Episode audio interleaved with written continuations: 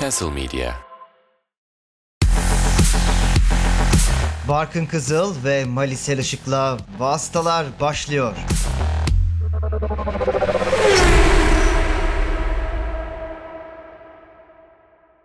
Castle Medya'da Galaxy Z Fold 4'ün katkılarıyla hazırladığımız Vastaların 89. bölümüne hoş geldiniz.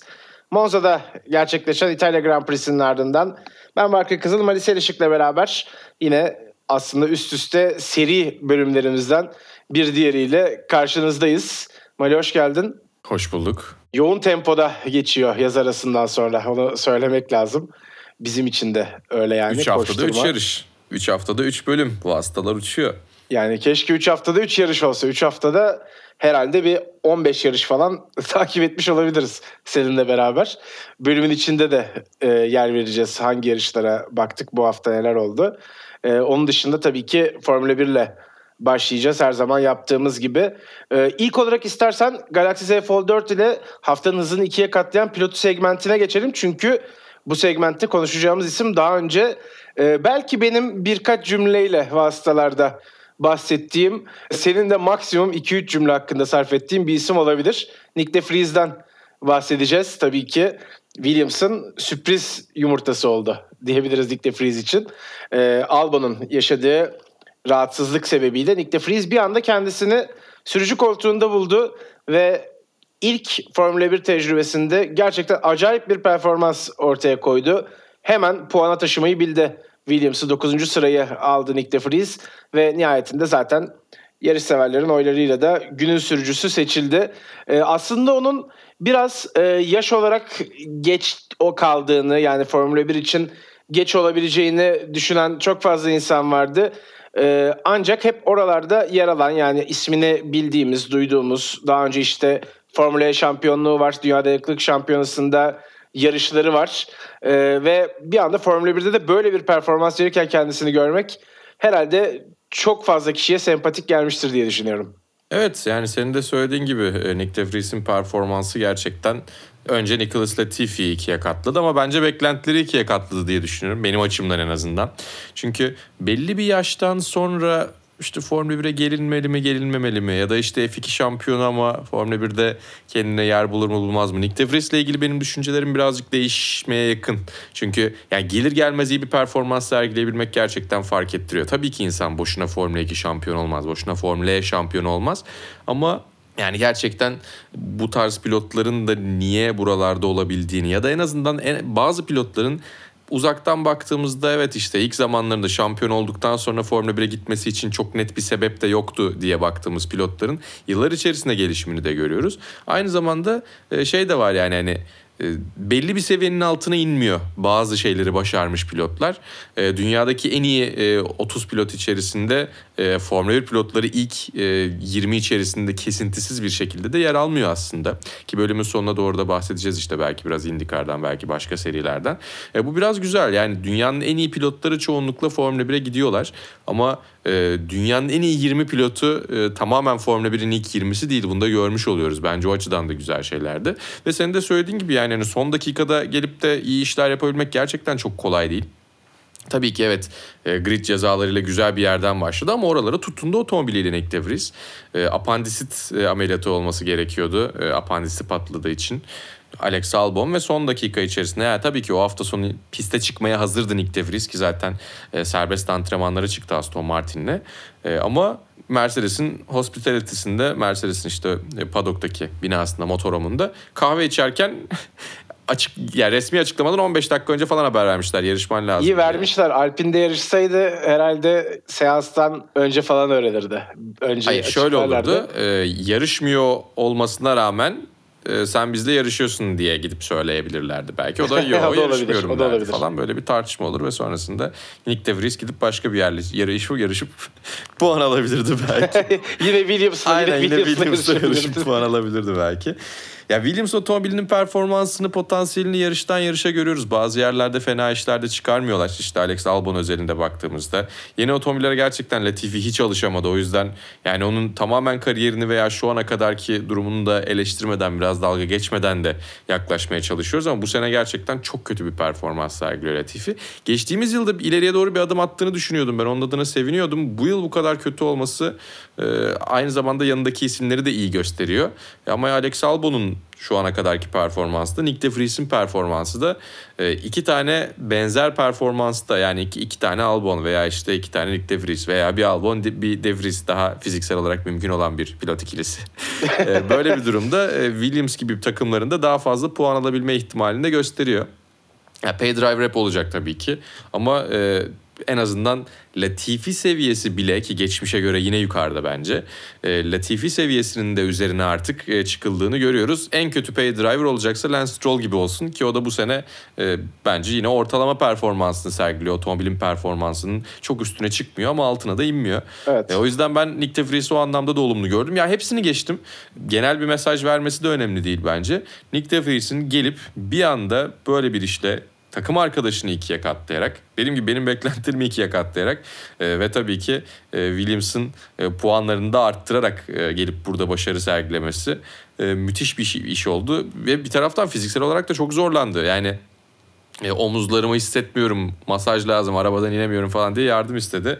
Ayrton Senna'nın yıllar sonra kendi evinde e, son turlarını tek viteste geçtiği e, Brezilya Grand Prix'si galibiyeti gibi. O kadar e, kahramanca bir şey değil tabii ki. Sonunda gidip podyumda kupa kaldırmak zorunda kalmadı. O da burada film sahnesi gibidir. Yani belki dinleyicilerimiz biliyorlardır diye tahmin ediyorum.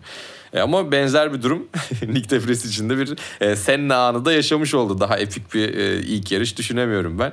E, bir de bir taraftan tabii ki aldığı puanlarla Nicholas Latifi şampiyonada yine 21. sıraya göndermiş oldu. O da biraz Evet üzücü. sevdiği yere gönderdi Latifi'yi. Yani şunu da söyleyelim. Zaman zaman takım değiştiren sürücülerin ki aslında gridin de ağırlığı genelde böyle olabiliyor. Yani ilk yarışlarından hatta ilk 5-6 yarış hafta sonlarından e, araca alışkanlık gösteremediğini de biliyoruz. Aslında adapte olmak çok kolay da değil onu da söyleyelim. Hele ki Formula 1 aracının daha önce hiç direksiyonuna geçmediyseniz buradaki G kuvvetleri hani diğer serilerde yok açıkçası.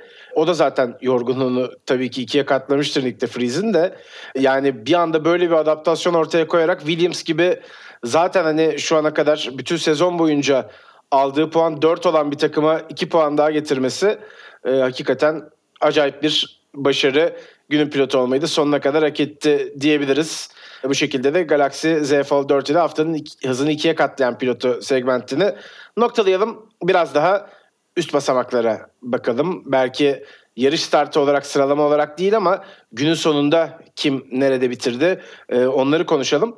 Biraz eski usul bir bölüm yapalım dedik yine. E, klasik tarzımızdan gidelim dedik. O yüzden takım takım konuşacağız.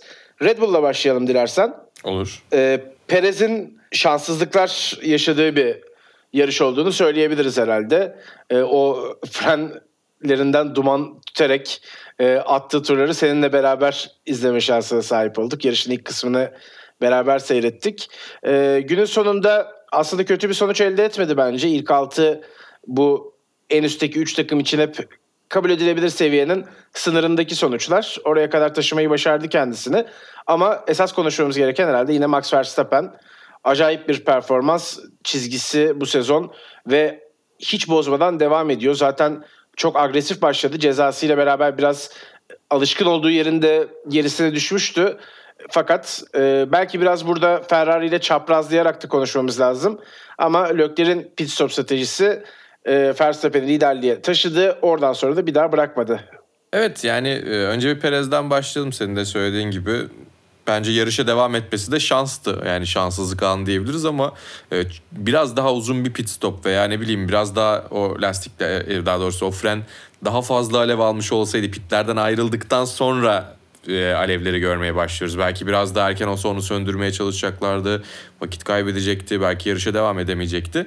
Araç harekete geçtikten sonra da o sorun çözüldü. E, tabii grid cezaları vardı. İlk kez e, içten yanmalı motor değiştirdiği için e, Verstappen'in 5 sıra grid cezasına karşılık Perez'in 10 sıra grid cezası vardı. Ki uygulamada bence birazcık garip onunla ilgili de çözülmesi gereken çok şey var. E, grid'i sıralamakta çok zorlandık. Çok karmaşık bir e, grid hesaplaması vardı zaten cumartesi günü. Ya onun dışında sıra yükseldi bence yine zaten e, 6 sıra yükseldi diye hatırlıyorum. E, dolayısıyla da gayet iyi bir iş çıkardı. E, tabii 6 sıra hemen düzeltelim. Sergio Perez 7 sıra yükseldi. 13. başladı 6. bitirdi. Verstappen 6 sıra yükseldi. O da çok hızlı bir şekilde e, yükseldi. Yani hani e, Sainz Hamilton'ın yükselişlerine bakamadık bile ki Sainz'inki de çok hızlıydı onu da konuşacağız. Max Verstappen zaten kusursuza yakın bir hafta sonu çıkardı. E, grid cezalarının artık Red Bull'u veya öndeki pilotları etkilemediğini görüyoruz. E, yine onlardan bir tanesini yaptı. Artık şampiyonluğa bakıyor. E, buradan sonra şampiyonluk hesaplarına bakacak. İşte e, Singapur'da kaç puan farkı yaratması gerekiyor ki 138 puana çıktığı andan itibaren e, Singapur'daki fark 5 e, yarış kala e, hemen düzeltiyorum 4 yarış kala mı oluyor? Yok 5 yarış kala. 5 oluyor. Japonya olursa 4 oluyor. Aynen 5 yarış kala. E, bu, bu arada 125'e ihtiyacı var aslında da normal şartlarda. Yani e, en hızlı turlara puan verilmediği ve e, sprint yarışının olmadığı daha hatırladığımız böyle ezberden söylediğimiz e, puan farkı aslında yarış başına bakıldığında 125 ama onlara birer tane e, en hızlı tur puanı ekliyorsunuz. Bir de Brezilya'da sprint hafta sonu olacak tabii ki. Onun puanlarıyla 138 puana ihtiyaç duyuyor. Niye böyle bir küsurat var diye düşünen e, dinleyicilerimiz olursa onu da söyleyelim. Yani açıkçası e, arka arkaya 5 yarış kariyerinde ilk kez kazandı. İşte e, rekora 2 yarış kaldı bir sezon içerisinde en çok galibiyet elde etme ki önümüzdeki e, yarışlarda bunları 6 yarışta iki yarış çok rahatlıkla kazanabileceğini düşünüyorum. Onun üzerine de çıkabileceğini düşünüyorum. Onun dışında kariyerinde ilk kez bir sezonda 11 yarış kazandı. Geçtiğimiz yıl 10 yarış kazanıp şampiyon olmuştu. Ya çok özel bir yere doğru gidiyor. Çok özel bir sezon geçiriyor zaten Verstappen. Burada Monza'da rakibinin evinde kazanmak zorunda değildi ki kendisi de onu söylemiş. Yine de kazanmaya zorladık. Pazar gününe çok odaklandık. Otomobili tam bugün için hazırlamıştık ve karşılığını aldık dedi röportajında. Yani Verstappen'e diyecek çok fazla bir şey yok. Yapacak da çok fazla bir şey yok. Ee, buradan da istiyorsan Ferrari'ye geçelim. Çünkü yani yapmaları gereken şeyleri yaptılar. Ya da en azından yapmamaları gereken bir şey yapmadılar. Ee, biraz sadece e, sanal güvenlik aracı arkasında ters ayakta kaldılar. Şanssızlardı.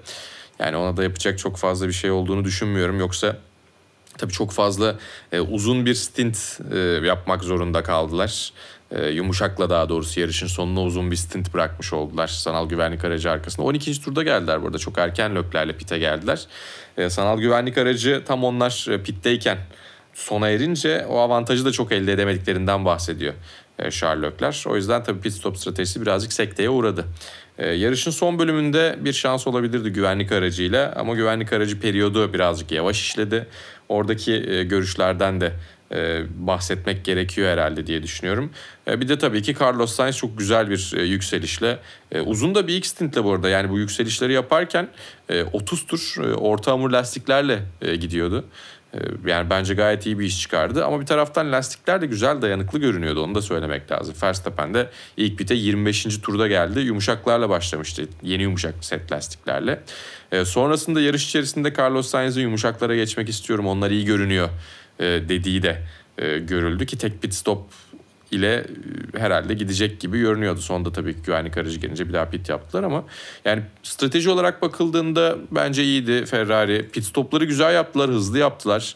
Ellerinden gelen pek bir şey yoktu gibi. Dediğim gibi bazen e, şanssız olabiliyorsunuz sadece. Bu sefer sadece şanssızlardı. Ya kazanmak istiyorlardı tabii ki. Buraya e, pek çok ünlü isim geldi. Aynı zamanda e, İtalya Cumhurbaşkanı gelmiş. E, o yüzden hani şöyle bir konuştular ettiler. Mattia Binotto öyle bilmiyorum. E, akıbeti ne olacak kazanamadıkları için. E, fakat e, Ferrari'nin gerçekten daha iyi yapabileceği bir şey var mıydı emin değilim. Ki bunu da Lökler'e soruyorlar. Yarışı bir daha koşuyor olsaydın ne yapardın diye. Yani çok yapacak bir şey yoktu. Yarışın nasıl gideceğini bilerek yapsak tabii ki bazı şeyleri farklı yapabilirdik diyor. O bahsettiği e, sanal güvenlik aracındaki pit belki. Ama onun dışında da yani şunu kötü yaptılar diyebileceğim bir şey yok. Sadece Verstappen daha iyiydi diye düşünüyorum. Yani Ferrari kaybetmedi bu sefer bence Red Bull kazandı ve Verstappen kazandı. Evet pist üstü tempolarına baktığımız zaman da Red Bull'un Ferrari'ye göre yarış temposu olarak tek turda değil ama yarış temposu olarak daha iyi olduğunu da çıkartabiliriz aslında. Özellikle Leclerc'in ikinci pit stop'undan sonra yumuşak hamura geçmesi ki orada da Ferrari aslında senin dediğin gibi cesur bir zar attı. Yani bir şekilde Verstappen'i çünkü yakalayıp geçeceği çok belli olmaya başlamıştı Sherlock'leri. Ee, yumuşak hamurla belki bunun önüne geçebiliriz. Belki kovalayan taraf biz olup e, işte yetişip sonra lastik avantajıyla geçebiliriz diye düşündüler. Ama orada ikilinin arasındaki farkın kapanmadığını gördük. Ee, zaten o yüzden çok zordu Ferrari'nin işi. Yani bu güvenlik aracı bölümünün yarışla sona erecek olması senaryosunda bile evet hani araçlar birbirine tabii ki yaklaşıyor. Hava koridoru vesaire avantajı var. İşte bir anda pozisyonu alıp sonrasında sert savunmayla ki Lökler daha önce herhalde izlediğimiz son yılların en sert savunmalarından bir tanesini yine burada Monza'da Hamilton'a karşı yapmıştı kazandığı yarışta. E, o şekilde evet galibiyete gitme ihtimali vardı elbette. Ama kağıt üstünde ya da en azından gördüğümüz kadarıyla diyelim kağıt üstünde demek çok doğru olmaz. E, Red Bull'un bence daha hızlı olduğu da bir gerçekti. En azından Verstappen'in daha hızlı olduğu bir gerçekti. Ve çok fazla bir şey yapamazlardı gibi geliyor bana bu duruma. E, bir yandan bence Ferrari'nin mevcut yönetiminde ve bu sezon ve bu sezona gelene kadar da belki bize gösterdiklerinde e, yani biz her zaman yönetimsel bir sıkıntı olduğunu konuştuk. Monza'da bir yarış kazanıp e, işte özel tulumlarla 75. yıl tulumlarıyla sarı renklerle vesaire böyle gösterilerle e, göz boyamamış olması böyle bir galibiyetin ben Ferrari'nin uzun vadeli geleceği için ya da orta vadeli geleceği için e, daha hayırlı olduğunu düşünüyorum. yani Hocayı çünkü, kovmazlardı diyorsun kendi ya, evinde tam öyle oluyor. olsa. Tam öyle oluyor açıkçası. Derbi kazandı. Biraz daha şans verelim gibi oluyor futboldaki. Ee, o yüzden yani bu sonuca üzülecek çok da bir şey yok. Zaten şampiyonluk artık yani gerçekçi bir ihtimal dahilinde gözükmüyor. Verstappen'in Allah korusun başına bir şey gelmesi lazım gibi. Yani yarışlardan onu alıkoyacak bir durum yaşaması gibi. Ee, yoksa hakikaten şampiyona bitmek üzere. Bitti bitecek. Sadece matematiksel olarak bitmedi diyelim. Ee, matematiksel demişken de buradan Mercedes'e bağlayalım. Yine organik geliştiğini de söylemek isterim. Ee, Lewis Hamilton'ın matematiksel olarak şampiyonluk şansı sona erdi Monza ile beraber. Vay. Tabii bu kadar yılın ardından onu evet bu kadar erken bir şekilde bu cümlenin içinde anmak gerçekten oldukça garip hissettiriyor. Ee, ama Mercedes için çok negatif bir hafta sonu olduğunu söylemek de mümkün değil. Yine İş çıkardılar bence. çok iyi iş çıkarttılar. Hamilton'ın e, sabırlı ama emin adımlarla tırmanışı.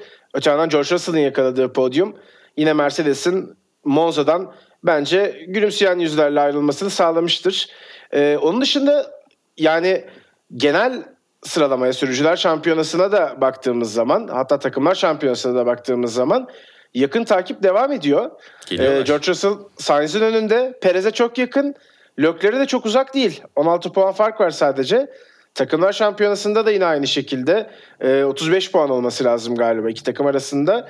Yani Ferrari'nin geçireceği bir korkunç hafta sonu doğrudan Mercedes'in aynı çizgide devam etmesi durumunda bile onlara şampiyona ikinciliğini getirebilir. Öyle bir şey olursa herhalde Ferrari'de e, ilk vasıtalar sezonuna dönersek çaycıya kadar herkes gider gibi geliyor bana. Sen neler söylemek istersin? Bence de öyle çok güzel bir e, self referans yaptın. Ya bir de şey var tabii ki. E, Hamilton'ın yükselişi bence de takdir gördü. Russell'ın yine e, sağlam performansı elde ettiği arka arkaya podyumlar. Daha doğrusu elde ettiği podyumlar arka arkaya demek doğru değil. E, ya bir de Silverstone'daki kaza hariç e, bitirebildiği tüm yarışlarda hala ilk 5'te. Bu çok iyi bir istikrar bence. Çünkü en iyi ihtimalle 5. olmasını beklediğimiz bir takım hala hız olarak Mercedes. Belki biraz daha aralara giriyorlar sonuçta. Ferrari ile Red Bull'u daha hızlı olarak görüyoruz genele baktığımızda. O yüzden elde ettikleri her podyum, elde ettikleri her ilk 3 içerisindeki veya ilk 4 içerisindeki e, pozisyon onlar için artı olarak yazıyor. Tabii bir taraftan yarışın güvenlik aracı arkasında bitmesine en çok onlar sevindiler ki Toto Wolff'ünden George Russell'ına Lewis Hamilton'ına herkes inanılmaz bir şekilde e, bu kararı övmüş. Doğru karardı güvenlik aracı arkasında yarışın bitmesi bence ama bu Mercedes'in ajandasıyla örtüştüğü için bu Hamilton kadar da Mercedes öyle diyor. yankı buldu. Tabii yani güvenlik aracından dili en çok yanan isim olarak herhalde. Tabii. O da yani bu defa kural doğru uygulandı dedi. Michael Massey bir uykusundan uyanmıştır. Avustralya'da uyku saatleriydi çünkü diye tahmin ediyorum. İzlemiyor mudur diyorsun? Ya izlemiyordur herhalde ya bilmiyorum. Ya izlememesi daha faydalı diye düşünüyorum. Mercedes Ay alışkan çünkü ya alıştığı bir şey çünkü geçtiğimiz yılda sene boyunca çok izlemedi. Ee, o yüzden hani bu sene de yani buradan sonra bu saatten sonra izlemeye başlamasında çok bir manası yok bence. niye ya geçen sene bence güzel izledi aslında. Ha Öyle izledi o da olabilir. O da olabilir güzel.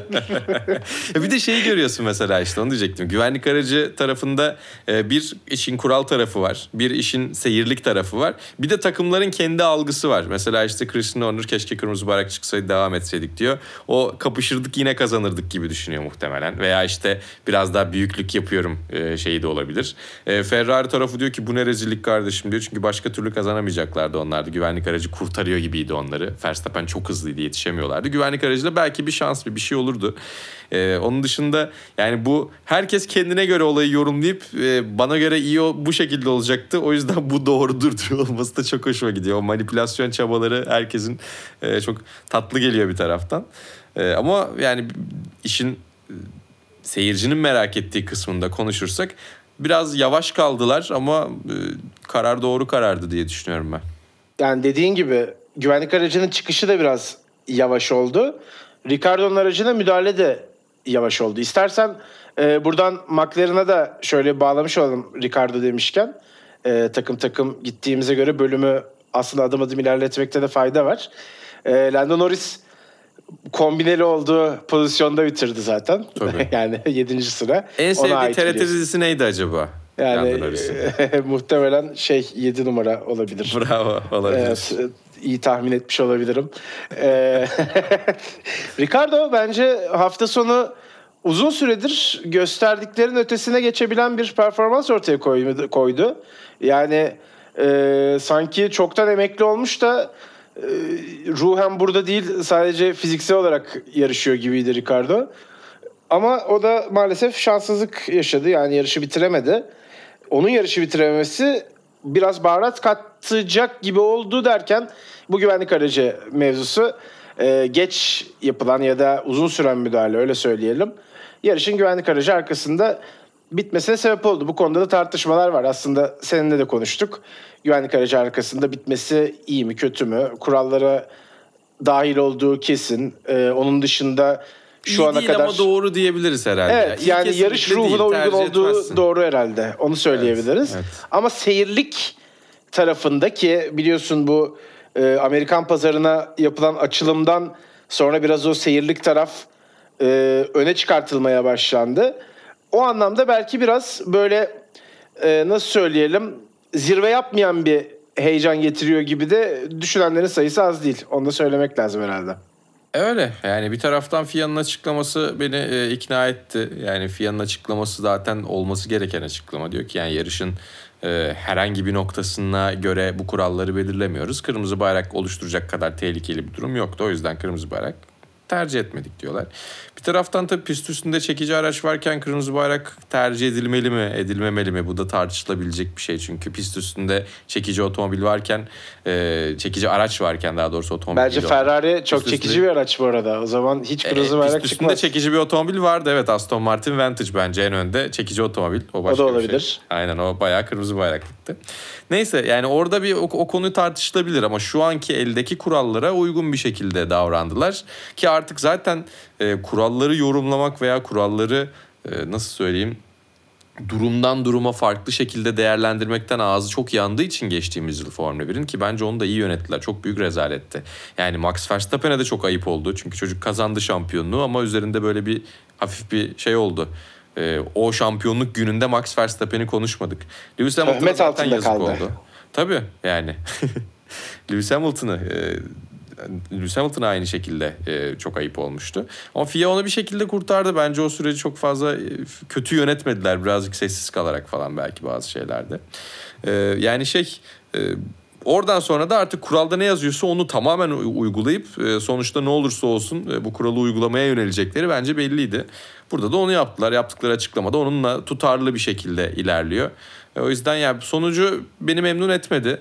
E, ama kesinlikle e, yanlış bir şey yapıldığını da o anlamda düşünmüyorum. Bazı yarışlarda böyle oluyor. Yapacak bir şey yok açıkçası.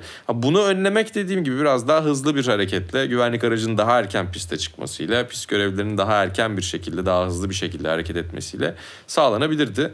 Ama o da yani hani hızdan ziyade güvenlik orada önemli. Güvenlik aracının piste giriyor olması ve e, pist görevlilerinin aracı kenara çekiyor olması e, hızlı bir şekilde yapalım da tekrar yarışmaya devam etsinler düsturuyla o oluşturulabilecek bir şey değil. Pist üstünde güvensiz bir durum var. Bunu mümkün olan en güvenli şekilde pist görevlileri içinde, pilotlar içinde, e, hatta bazen seyirciler içinde o güvensiz durumun en güvenli şekilde ortadan kaldırılması, aceleye çok fazla getirilmemesi de gerekiyor. Tamam burada hızlı olunabilirdi ama genel anlamda bakıldığında da şunu hızlıca halledelim de yarışabilsinler gibi bir düsturla da buna yaklaşamazlar. O yüzden bazen böyle oluyor. Evet zaten kurala yorum gelince işte yani yaşadıklarımızı görmüş olduk. Michael Massey'nin görevinin e, yani görevine son verilmesi ya da görevden ayrılmasıyla da sona eren bir süreç oldu. Az önce sessiz kalmaları dedin. Ee, evet öyle oldu gerçekten. Ben Ee, affetmedim. Yani, affetmeyen çok var zaten. Sen herhalde yalnız değilsindir. Ee, McLaren'a geçmiş olduk tabii Ricardo'nun çıkarttığı güvenlik aracını konuşmak için ama e, şampiyonada onların önünde giden bir Alpine var. Ee, istersen çok kısa onlara da değinelim. Sonra diğer takımlarla devam edelim. Ee, bu sene genel olarak düzlük hızı anlamında hep öne çıkan takım olarak gözükmüşlerdi. Ve Monza'da zaten herkesin de herhalde bildiği üzere e, en çok düzlük hızına ihtiyaç duyulan pist takvimdeki. E, fakat yani nasıl olduysa o evdeki hesap çarşıya bir şekilde uymamış oldu. Alpine kötü bir yarış geçirdi. Alonso'nun da yine e, yaşadığı bir su kaynatma problemi mi desek ona. E, su tesisatıyla ilgili diye açıkladılar ilk başta. E, problem oldu. Çağırsınlar. evet zaten ben de o şekilde bir tweet atmıştım. Kırmadan yapan bir tesisatçı Aa doğru doğru evet doğru. e, onu öyle çözebilirler diye. E, yani Alpin kötü geçirdi hafta sonunu. Onu söyleyebiliriz herhalde. Evet ben yani şaşırdım açıkçası. Beklentiler daha yüksekti onlar için. Ama işte yani sadece düzlük hızı olarak da bakılmıyor ya da ne bileyim komple yarış hafta sonunda pazar iyi çıkarabilmenin çok daha farklı parametreleri var artık.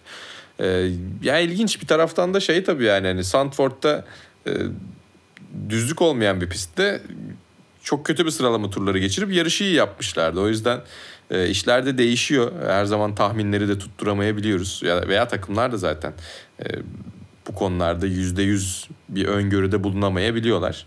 Alonso'ya yazık oldu tabii ki. E, arka arkaya ne güzel e, puanlar alıyordu. E, 10 yarıştır puan alıyordu. O seri sona ermiş oldu.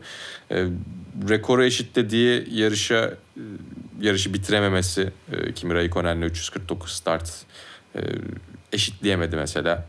Daha doğrusu eşitledi. E, o e, yarışta e, finish göremedi onu söyleyecektim. E, bir de 278 yarışta e, finish görme rekorunu kıracaktı. Onu kıramamış. Yani Alonso için tarihi bir yarış olabilirdi Monza'da. Bir anlamda oldu da.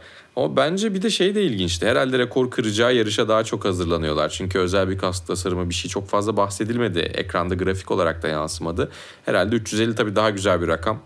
Ee, onun dışında rekoru kıracak olması eşitlemesinden daha önemli. Ee, Herhalde o yüzden birazcık geri planda kaldılar gibi gördüm. Ya Alpin adına söyleyecek çok bir şey yok. Bence vasat bir hafta sonuydu. O yüzden çok da vakit ayırmaya gerek yok diye düşünüyorum. Hemen kendilerine çek düzen vermeleri lazım. Uzun uzun Evet. vasıtalarda yer bulmak adına. Doğru söylüyorsun. Yoksa konuşmayız valla. Tabii. Haberleri olsun.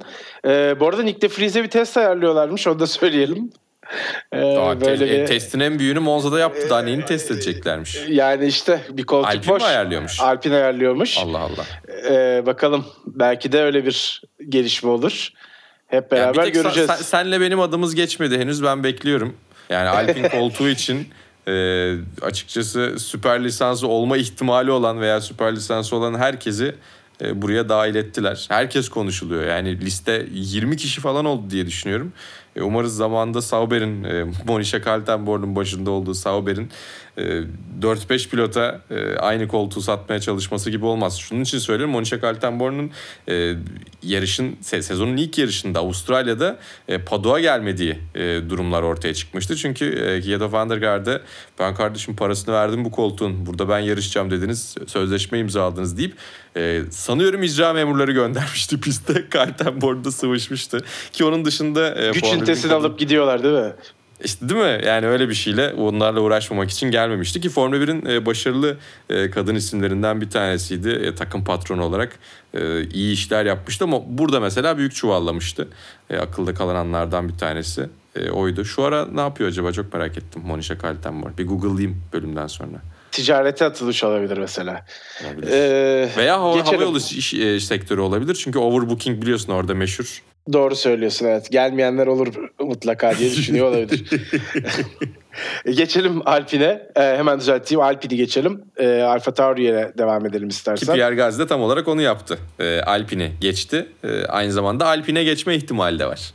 Evet o da yine yine koltuk için adı geçen isimlerden bir tanesi. Nihayet Vallahi piyasaya çıktı. Yani Evet. Pierre Gasly. Aa ben burada yarış kazanmıştım dedi Yarış kazandı. Evet aynen öyle ben de onu söyleyecektim. Burayı sevdiğini hatırladı belki de. Ya ne kötü sezon geçiriyor Gazli gerçekten. Bu kadar düşüş Alpin ay, hala Alpin diyorum bak Allah söyletiyor galiba Gazli Alpin'e gidiyor sezon sonunda. Vasıtalarda biz Duyumculuğa bak spiritüel duyumculuk. Yani Alfa Tauri'nin hakikaten bu kadar geriye gitmesini ben hiç beklemiyordum. Özellikle Red Bull'la bu kadar bağları olan bir takımın Red Bull hiç düşmüyorken hatta sezon içinde vites arttırıyorken onların bir şekilde bu kadar geride kalıyor olması bana hala çok garip geliyor. Yani Gazli'yi aldığı 8.likten ötürü öveceğimizi çok da düşünmezdim önceki sezonlarda. E değil mi? Ya beşincilik, altıncılığı çok rahat elde edebilen bir isimdi Gazi. Çoğu zaman geriye kalanların en iyisi olma kısmında ciddi bir iddiası vardı. Ama Alfa Tauri kötü. Yani grid cezalarıyla birlikte de birazcık e, avantaj sağladı zaten Gazi. Oralarda kaldı. Sunoda ceza aldı. Yükselemedi. Oralarda çakıldı kaldı. 14. bitirdi yarışı. Ya bu sene otomobille alakalı e, bir e, çözememe işi var. Evet, o çok Önümüzdeki belli. yıl toparlarlar mı bilmiyorum. Önümüzdeki yıl toparladıklarında Gazi de orada olur mu onu da bilmiyorum. Ama yani Gazi gerçekten bence hala pilotluk seviyesi olarak bakıldığında özel bir seviyede ama otomobil bir şeyler yapmadığında da otomobilden ekstra çıkartabileceği bir durum bu yıl yok. E, o da biraz Gazi'nin tabanını tavanını bize gösteriyor diye düşünüyorum. Çok sağlam bir pilot bence zaten ama ya otomobil gitmiyorsa da onun e, otomobilin gidebileceği yerde e, yerin ötesine böyle sırtında taşıyabileceği bir durumda en azından bu yıl için yok. Gazi şu anda öyle bir yerde değil. Belki ileride öyle bir pozisyona gelir. Ya ben en azından e, iyi puanlar bir de 8.lik iyi bir sonuç bence. Hani 10. olup da puan almasından biraz daha iyi olduğunu düşünüyorum. Belki psikolojik olarak bir şeyleri hareketlendirir. Umarız e, Alfa Tauri içinde bir e, ayaklanma, böyle bir ayağa kalkma e, süreci ortaya çıkar. Yani çünkü şu anda Haas'ın bir puan gerisindeler. Alfa Romeo ile en azından çekişirler diyorduk. Hani McLaren'le Alpine katılamayacakları belli oldu ama Alfa Romeo da tek başına yalnız gibi duruyor orada. İstiyorsan Alfa Tauri'den de bir başka Alfa'ya, Alfa Romeo'ya geçelim. Evet, çok fazla söylenecek şey var mı emin değilim. Yani onun puan alması güzel bence. evet o iyi bir sonuç oldu onlar için. Çünkü Uzun zamandır puan almıyorlardı. çok yerinde sayan bir sezon geçiriyorlar. Hatta geri giden bir sezon geçiriyor. Yani sezonun başında Bottas biliyorsun Mercedeslerle kapışıyordu. Evet. O da böyle enteresan bir narratif yaratıyordu işte. Gittiği takımda e, şampiyonluk iddialısı takımdan ayrılıp ufak ölçekli bir takıma geçip orada onları zorlayabiliyor olması, zaman zaman geçebiliyor olması. E, ama sonra sezon pek öyle devam etmedi. Gerek problemler, gerek yavaşlık. Haas Gerek öyle biraz. ileri çıkamama. Ferrari motorlu otomobillerle alakası Evet, var. Onlar iyi beraber konuşabiliriz ikisini aslına bakarsan. Çünkü aynı senaryo yani ikisi de hızlı başladı. Dedik ya bunlar bu sene iş yapacak galiba bu takımlar. Ama Yapmadılar. yapamadılar. Sezon devam ettikçe de geri düştüler. Evet. Ee, var mı eklemek istediğin bu takımlarla ilgili? Ee, Bu yoksa takımlara puan eklemek isterim ama onları kendileri yapacaklar. O yüzden göreceğiz. Ya Günther Steiner'ın Mick Schumacher'e davranışından memnun değilim. E, Günther Steiner'ın e, Mick Schumacher'i e, karşısına almasının çok doğru olduğunu düşünmüyorum ki Binotto da biz de bir oturacağız konuşacağız dedi. Mick Schumacher bence çünkü yani sezonun başında Magnussen çok iyi işler yaparken evet gerideydi. Bazen şanssızdı bazen hatalar yaptı. Ama hem sıralama turlarına hem de yarışa baktığımız zaman çok net bir şekilde üstün. E, bu çocuğu umarız e, harcamazlar, harcamaya kalkmazlar e, diye düşünüyorum. Umarım Formula 1 dışında kalmaz. Hülkenberg'den falan bahsediyorlar çünkü biz şu anda kaydederken. Evet. Yani Nico Hülkenberg iyi bir yedek pilot. Kenardan gelebilir. Tamam sempatik bir isim. Keşke podyuma çıksaydı. Bunları kenara koyarak söylüyorum. Bu saatten sonra 36 yaşında bir Hülkenberg'in F1'de Mick Schumacher'in yerine olmasının hiçbir mantığını çözemiyorum. Mantığı, mantıklı bir zemine oturtamıyorum. Düşün yani cümle bile bir zemine oturmuyor. E, o yüzden e, hızlı bir şekilde kendilerine çeki düzen verirler diye düşünüyorum. E, Aston Martin diyelim o zaman. Mailander dışında yarışı bitiremediler. Evet. Ya bugün en iyi pilotları Bernd Mailander'di. Maalesef öyle oldu. Vettel'in tabii Ferrari bağlarıyla da ilgili olarak Monza'daki muhtemelen son yarışı böyle geçmiş oldu. Kariyerinin ilk yarış kazandığı yeri. Evet onun için özel bir pist ama özel bir veda olamadı maalesef. Olsun. Yani çok gidilecek yolu olan takımlardan bir diğeri de herhalde Aston Martin gibi gözüküyor bence. Fernando Alonso'nun da bu takıma imzayı atması evet yatırım olarak bir beklenti yaratıyor da henüz gösteremedikleri bu performansta bence soru işaretlerini beraberinde getiriyor diye düşünüyorum. Onlar da Drogovic'i resmi olarak sanırım yedek pilot olarak açıklamak üzerelermiş. Onu da Yani iyi verelim. olur. Yedek pilotluk artık ne kadar e, ağırlık taşıyor ya da pilotlar yedek pilot olarak neler yapıyorlar bilmiyorum ama Felipe Drugovich için güzel bir tercih olacaktır diye düşünüyorum. Çünkü eğer direkt yarışamayacaksa bir yerlerde E o da şampiyon oldu Ali. Burada konuşalım istersen. olur. Hadi F3 ile F2'ye de e, ufaktan girmiş olalım madem. Zaten Nasıl Nick olsa Williams'ı konuştuk. Evet Williams'ı konuştuk e, girişte. E, Nick de Vries'in e, ikiye katlayan performansından bahsetmiştik. Harika bir performans demiştik. Latifi ile ilgili de konuşacak çok bir şey yoktu. Onu da kısaca konuşmuştuk. Formula 3'ten başlayalım o zaman. Formula 3'te inanılmaz bir e, şampiyonluk draması yaşandı. Kenarda böyle Victor. Martins diyorsun. Victor Martens evet. E, İsmiyle müstesna. Tabii şampiyon. ki. Aynen. Galip o oldu. Ee, ve şey yani e, kenarda böyle penaltı atışları bekler gibi beklediler. Ee, önce kırmızı bayraklar çıktı. Kırmızı bayraklar arkasındayken yarışın devam edeceğini zannediyorduk. Victor Martens'e 5 saniye cezası çıktı. Piste çıksalar Martens şampiyonluğu kaybediyordu. Zayn Maloney kazanıyordu çünkü ve e, Victor Martens de ilk 5'in dışında kalacaktı. İlk 6'nın dışında kalacaktı. E, Çünkü herkes yakın bir şekilde başlayacak zaten. O 5 turda 5 saniye fark açılmazdı eyvah dedik şampiyonluk gitti. Yani 30 saniye sonra yarışın devam etmeyeceği açıklandı. Şampiyonluk geri geldi. Üstüne 10 dakika 15 dakika o 5'er saniyelik cezalar verdiler işte pist limitleri falan e, çeşitli durumlardan. Onları da bekledik derken yani pist yarışı koşsalar daha kısa süre içerisinde bitebilirdi. O arada da cezaları hallederlerdi. Garip bir bekleyiş sonunda şampiyonluğu ilan etti. Felipe Drugovich de bir gün önce cumartesi günü o da kenardan izleyerek şampiyon oldu. O da bir garipti. Ee, ilk turda yarış Evet. dışı kaldı. Theo Purcher gerekli puanları kapatamadı. Drugovic böyle kenardan izledi. Tam şey gibiydi onun da. Ee, Victor Martens'inki de öyleydi. Felipe Drugovic'inki de öyleydi. Ee, içerideki maçı kazanıp e, rakip e, sahadan şey bekleyen, haber bekleyen e, futbol takımı havasındalardı. Ve yani Felipe Drugovic çok sağlam, çok istikrarlı, çok da hızlı bir sezon geçirdi. E, hala belki yedek pilot olacak şeklinde konuşuluyor olması da e, Formula 1'in alt basamaklarının ne kadar e, işleyiş konusunda sıkıntılar yaşadığını gösteriyor bence. Ama bir şeyler yapacaktır ya. Drugovic e, hakikaten iyi iş çıkardı. E, hak eden bir Farklı şampiyon seviyedeydi oldu. bu sezon onu söyleyebiliriz Evet, herhalde. Evet, evet. Yani bir de biraz böyle radar altından giren bir isimdi Tabii. evet. diğerlerine göre. Ben beklemezdim yani. Şampiyonluk adayı olarak kesinlikle saymazdım Felipe Drugovic'i. Bu benim öngörümle alakalı da çok şey söylüyor bir taraftan. hani Felipe Drugovic belki o seviyedeydi ki gösterdi çünkü çaylak Ya ama hiçbir iyiydi. takımında akademi sürücüsü değil mesela. E hani değil, evet yani. Onların da o zaman düşünüyorlar. öngörüsü zayıf oluyor. Evet. Böyle çıkarım yaparsak. E böyle bence bu arada. Yani Barbadoslu bir Formula şampiyonu çıkabilirdi. yani evet o da, ilginç. konuşulması Seneye çıkabilir gereken bir belki konu. yine. Yani çaylak sezonuydu bu Zayn Maloney'nin. Seneye iddialı olabilir. Seneye Isaac Hacar da olacak tabii ki yine şampiyonluk potasında. E, o çok kötü bir hafta sonu geçirdiği için iddialı olamadı son yarışta. E, yani çok ilginçti. F3 daha çok heyecan veriyor. Helmut Marko'ya o konuda katılıyorum. E, F3'te daha çok heyecan veren pilotlar var deyip Isaac Hacar'ı e, ön plana koymuştu Avusturya Grand Prix'si hafta sonunda. E, oraya da yine sezon tekrar başladığında bakacağız. E, F2'de tabii ki sezonun son yarışı Abu Dhabi'de olacak. Arada çok büyük bir boşluk var. Belki sezona devam etmeyen isimler olabilirler orada. Ne kadar fire vereceğiz göreceğiz. E, ilginç olacak diyelim ve e, buradan da e, Superbike Dünya Şampiyonası'na geçelim. Evet yine güzel keyifli bir hafta sonu oldu bizim için. Superbike Dünya Şampiyonası'nda Toprak cumartesi gününü biraz talihsiz açtı. Yerde kaldı e, yarışta. Ama ondan önce Jonathan Ray de yerde kaldı. Zaten Jonathan Ray'den birazdan bahsedeceğiz.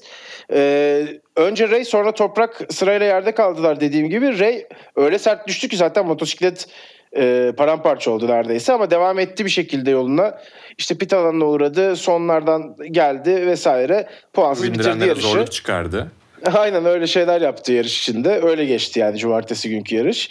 Ee, Toprak ise geriye düşmesine rağmen önce çok büyük bir farkı kapattı. Sonra o arkadaki isimleri teker teker avlamaya başladı. 5 puan çıkartabilecek pozisyona kadar ilerledi yarışta. Yani bu her zaman konuştuğumuz şampiyonluk için mücadele veren isimlerin istikrarlı puan almasının ne kadar önemli olduğunu, vazgeçmemesi gerektiğinin ne kadar önemli olduğunu da böyle kanlı canlı bir kanıtı olarak karşımızda dursun diyelim son şampiyonun bu kadar azimli bir performans göstermesiyle alakalı. Ee, öte yandan esas pazar günü. Pazar günü bayağı bir kıyamet koptu. Toprak iki yarışı birden kazandı tabii ki. Ee, iki kez e, podyumun zirvesindeydi. Milli marşımızı Manyekur'da çaldırdı. Bunlar güzel şeyler. Biraz da Jonathan Ray'den bahsedelim istersen.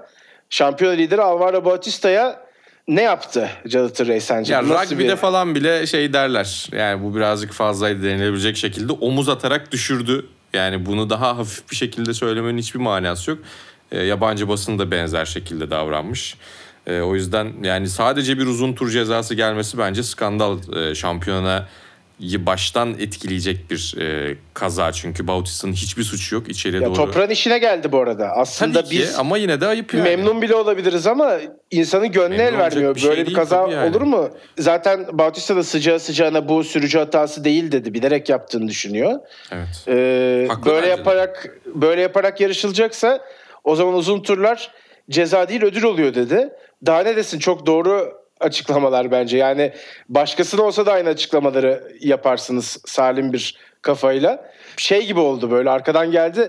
Sen mi olacaksın şampiyon? Bak oldun şu an der gibi vurdu. Mutlaka izleyin görüntüyü Ya bir bulup. de yani e, toprağın limitteki ama limiti aşmayan ataklarıyla ilgili yarışlardan sonra ya bu, bu çok tehlikeli falan diye Scott Redding'le bir olup açıklamalar yapan birinin çıkıp böyle bir şey yapması da iki yüzlü. Bir de öyle bir şey var. Atıyorum e, Superbike Dünya Şampiyonası'nda çok daha sert yarışılsın diye düşünen ve kendisine karşı bu yapıldığında da ses çıkarmayan biri olsa Jonathan Ray yine yanlış ama kendi içinde tutarlı derim. Yani bu tutarsızlık da e, çok ciddi puan siliyor Jonathan Ray'den. Evet yani özür dilemiş falan filan ama sonuçta o puanlar gitti. Belki senenin sonunda şampiyonluk mücadelesinde Bautista'yı o istediği şampiyonluktan uzakta da tutabilir. Yani ne olursa olsun burada da objektif olmak lazım. Evet tabii ki toprağın şampiyon olmasını çok istiyoruz. Ve bu çok işine yaradı toprağın. Ama toprağın Ama böyle böyle de olmak ihtiyacı olmayabilir Evet zaten. böyle yani. şampiyonluk istemiyoruz zaten. Yani Toprak bu sezonun geri kalan kısmında hep kazanarak da şampiyonluğa gider. Böyle şeylere hiç lüzum yok. Görmekte istemediğimiz görüntüler. Aynen öyle. Ee, şöyle bir eleştirmiş olalım. Öte yandan Süper Sport Dünya Şampiyonası'nda da Bahattin Sofuoğlu maalesef o da biçildi. Ee, Evet, onun kazası da güzel. kötü. Maalesef başını çarptı. Ondan da korktum ben de. Onda bir şey olmamış, bir sıkıntı olmamış. Maalesef kolu kırıldı onun da. Ee, bir süre kaçıracak yarışları. Önemli olan tabii hemen bir an önce iyileşmesi, geri dönmesi diyelim. Ee, Can Öncü iyi bir hafta sonu geçirdi. Dördüncü ve altıncı sıralarda iki yarışı kapattı. Şampiyonada da dördüncü olarak devam ediyor demek lazım. Var mı ekleyeceğim bir şey yoksa Geçmiş olsun yine dört tekere döneceğiz. O zaman dört tekerden devam edelim. Önce IndyCar'ı konuşalım. Sonra bir ufak Fuji hikayesiyle de kapatalım bölümü. Tamam. Ee, galiba IndyCar yarışını takip etme şansına eriştin. Öyle sanıyorum ki öyle anladım. Öyle yani şey e, tam böyle işte e, kanaldan eve geldim. E, Salı günü e, son viraj programının işlerini böyle bitirdim, kolayladım derken e, Laguna Seca Laguna Seca benim çok sevdiğim pistlerden bir tanesidir zaten bayılırım. E, motosiklette de otomobilde de bence çok heyecanlı bir pist. E, IndyCar'ın finali orada. Bir taraftan keyifli bir final. İşte e, 3-4 pilotun şampiyonluk şansı vardı. E, Scott Dixon her zaman e, karmaşanın içerisinden çıkabilir. O biraz daha geride duruyordu yarış içerisinde ama yarışta da konuştular hatta. E, kaos olduğunda her zaman bakarım e, Scott Dixon nerede diye falan böyle bir geyini yaptılar. Çünkü aralardan çıkar kazanır. E, Will Power e, çok şanssız isimlerinden bir tanesi IndyCar'ın. 2014 Gerçekten şanssız bir isim. ama- irade gücü oluyor. Evet yani Will Power gibi bir ismin bu kadar şanssızlık başına gelmesi de ilginç yani. yani motorsporunda gördüğümüz en iyi isimlerden biri diye düşünüyorum. Ki gerçekten e, irade gücüyle Will Power'la bu sene e, ikinci kez şampiyon oldu. Ama yani inanılmaz bir şekilde Joseph Newgarden da çok zordu. 25. falan başladı ve yani yarış boyunca e, sürekli full tempoda yarıştı. Stratejiyi ona göre kurmuşlar ve Yarışın son bölümünde de neredeyse daha hızlı olan lastiği takacaktı. Çok hızlı bittiğini gördükten sonra değiştirdiler e, ve daha güvenli olan lastiğe geçtiler. Diğer taraftan Alex Palou e, geçtiğimiz yılın şampiyonu sezon boyunca yarış kazanmamıştı. O da yarış kazanarak bitirdi. Ya çok müthiş bir finaldi. Ben çok keyif aldım. E, sonunda büyük bir sürpriz yaşanıp e, Will Power'ın bir kez daha hayal kırıklığına uğramadığını görmek de hoşuma gitti. Ama Joseph Newgarden kazansaydı da çok hak edilmiş bir şampiyonluk olacaktı. Vallahi güzel bir e, final oldu. E, Formula 1'de bulamadığımız e, şampiyonluk e, yakınlığını e, IndyCar'da bulduk. Arada denk geldiğimde e, izlemeye çalışıyorum zaten. E, tatlandım. Ama sen de şımardın yani geçen sene daha nasıl bir şampiyonluk mücadelesi izledin? Hayır, bu Formula sene 1 bulamadığımız diyerek. anlamında söylüyorum. Hakkını Genel savunayım. anlamda değil. Genel anlamda değil. Genel anlamda O zaman- Formula 1 zaten bir numara. Ee, Vekle Dünya Dayanıklık Şampiyonası'yla noktalayalım. Fuji 6 saat vardı. Ee, takvim 5. yarış ondan bir önceki durak. Ee, anlatımda olduğum bir yarış oldu ama Superbike koşuşturması tabii hem cumartesi hem pazar. Ee, aynı zamanda Formula 1'i bir yandan takip ediyorum. Bir yandan 12 dev adama şöyle bir göz atıyorum falan derken beni çok yordu onu söyleyeyim. Ee, Toyota kazandı Fuji'de bu arada onu da söyleyelim de öyle geçeyim. Ee, şöyle bir baktım ne yalan söyleyeyim gece, Gece yayın saatlerini söylesene önce bir. 4.30'dan 8'e kadardı yayın. Eyvah. Ee, o bitince de bir 2 saat uyuyup hemen işte kanala geçip Superbike için hazırlanacaktım. Ee, şöyle bir baktım Fuji Dağı acaba dedim en son ne zaman patladı. Çünkü bir aktif volkan. Dedim belki şöyle bir duman atar e, yarış hafta Bir ara gaz sonunu- verir. Aynen yarış hafta sonuna sekte vurur mu acaba diye. Maalesef demeyeyim de yani biraz acımasız oldu. Ee, 1707 ve 1708 yılları arasında patlamış. O kadar şansın ki- yokmuş ki yani. Onu görünce dedim ki ben bir yatayım artık. Ee, kalkmam lazım sabah 4'te. Ee, o şekilde geçti benim için. Ee, 6 saat Fuji herhalde o yaptığım Google araştırmasıyla ikimiz de hatırlayacağız bir süre konuşuruz. Fuji'nin ismi geçtikçe. Peugeot duman attı Ee, tabii Fuji dahil. Peugeot duman attı evet.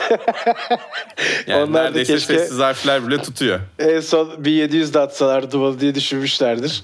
Ee, şanssızlık yaşadılar evet. Ee, podyum gelebilirdi Peugeot için. Ee, o anlamda fırsat kaçtı ama çok yeniler tabii. Ee, o kadar yeni olduğunuz bir şampiyonada bunlar olacak. Yavaş yavaş tecrübe e, hanelerine yazıyor diyelim. Bu şekilde de vasıtaları 89. bölümünü kapatalım. 100. bölüme doğru gidiyoruz. Büyük bir heyecan var. Bölümün sonunda öyle de bir tekrar yükselmiş olayım. Galaxy Z Fold 4'ün katkılarıyla hazırladık yine bu bölümümüzü. Ee, bundan sonra önümüzdeki hafta yokuz ama geri döneceğiz diyerek de bölümü noktalayalım. Hoşçakalın. Hoşçakalın.